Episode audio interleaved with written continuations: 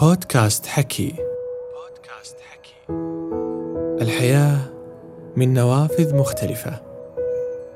أقدمه لكم أنا محمد خضر.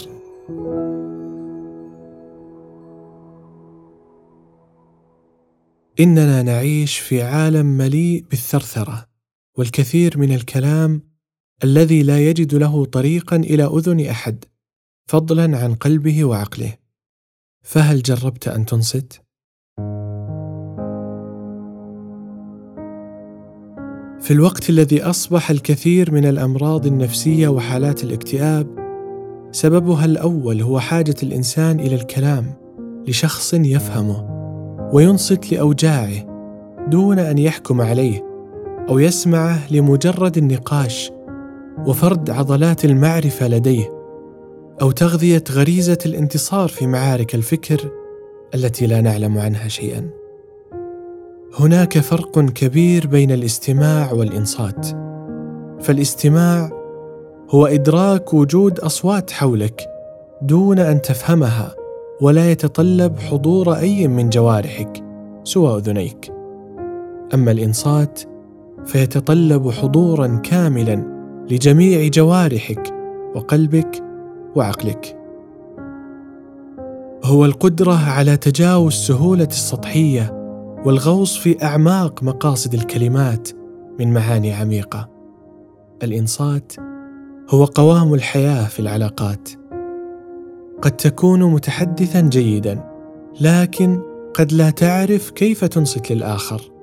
كيف تقرأ تعابير الوجه وحركات الشفاه ونبرات الصوت لتتصل معه. الناس يحبون من ينصت لهم والمستمع الجيد يكتسب الكثير من المعلومات ويستطيع بناء علاقات جيده This is a serious problem that we're losing our listening. This is not trivial.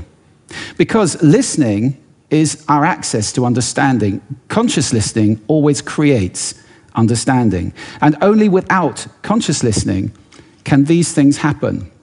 A world where we don't listen to each other at all is a very scary place indeed.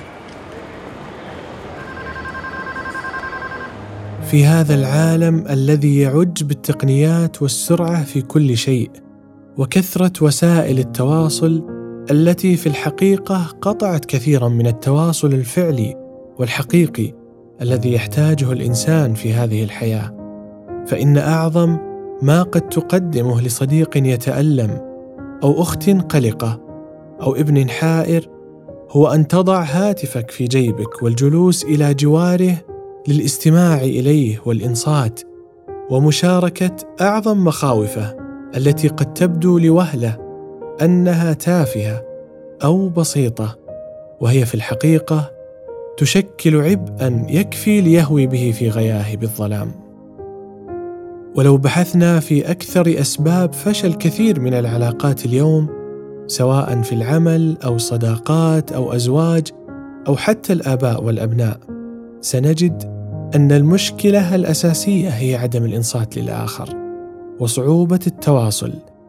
التواصل الذي يتطلب التعرف والفهم والتعاطف والتفاعل أو حتى مجرد الإصغاء.